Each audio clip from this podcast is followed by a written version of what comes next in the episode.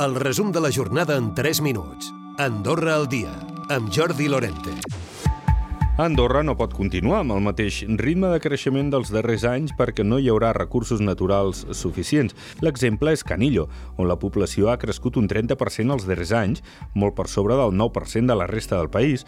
Per això serà inevitable modificar els plans urbanístics de totes les parròquies, s'hi referia el cònsul major de Canillo, Francesc Cama, Ràdio Nacional, on ha exposat el cansament de la vida pública per no tornar a aspirar al consulat. Assegura que el nou pla de viabilitat del Palau de Gel, basat en l'estalvi energètic i nous productes turístics, hauria de permetre no superar els 300.000 euros anyals en pèrdues. Per cert, com a exministre de Turisme, també s'ha referit a la polèmica arran de les afirmacions de Gerard Piqué sobre la continuïtat del Futbol Club Andorra. Però fent-se la pregunta, ostres, ens podem permetre d'esta primera divisió?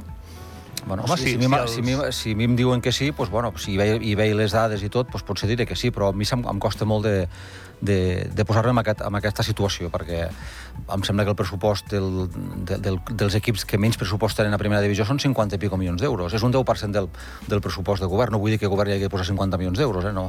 però segurament s'haurà de posar molt més del que es posa actualment. Eh, perquè Andorra és petit, Andorra no, les empreses andorranes són petites.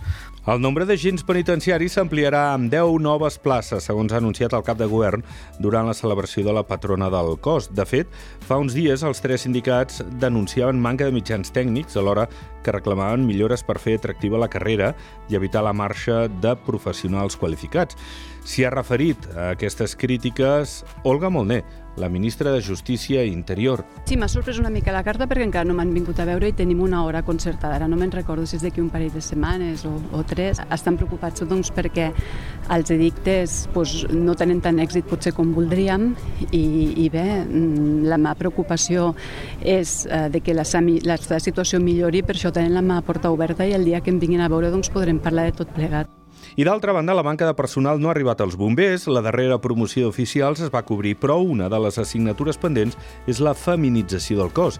Parla el director dels bombers, Jordi Ferrer. Animem i encoratgem a, a, les dones perquè esdevinguin eh, bomberes, però no sé quin factor imputar-ho eh, costa que la, les dones es presentin eh, com a bomberes. Afrontar una situació als propers anys que jubilarà eh, molts bombers i que haurem de cobrir. Potser llavors podré respondre amb més contundència si tenim dificultat o no en cobrir aquestes jubilacions, però és veritat que cal fer una reflexió. El 30% dels adolescents passa més de 5 hores diàries connectat a internet. És un percentatge que augmenta 20 punts als caps de setmana, una preocupació que s'agreuja si es tracta de continguts altament violents i masclistes, com ara la majoria de pornografia mainstream.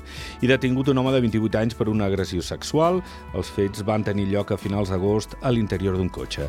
La investigació pel presumpte delicte contra la llibertat sexual es va iniciar arran de la denúncia de la víctima que també va permetre identificar l'agressor. Recupera el resum de la jornada cada dia a AndorraDifusió.d i a les plataformes de podcast.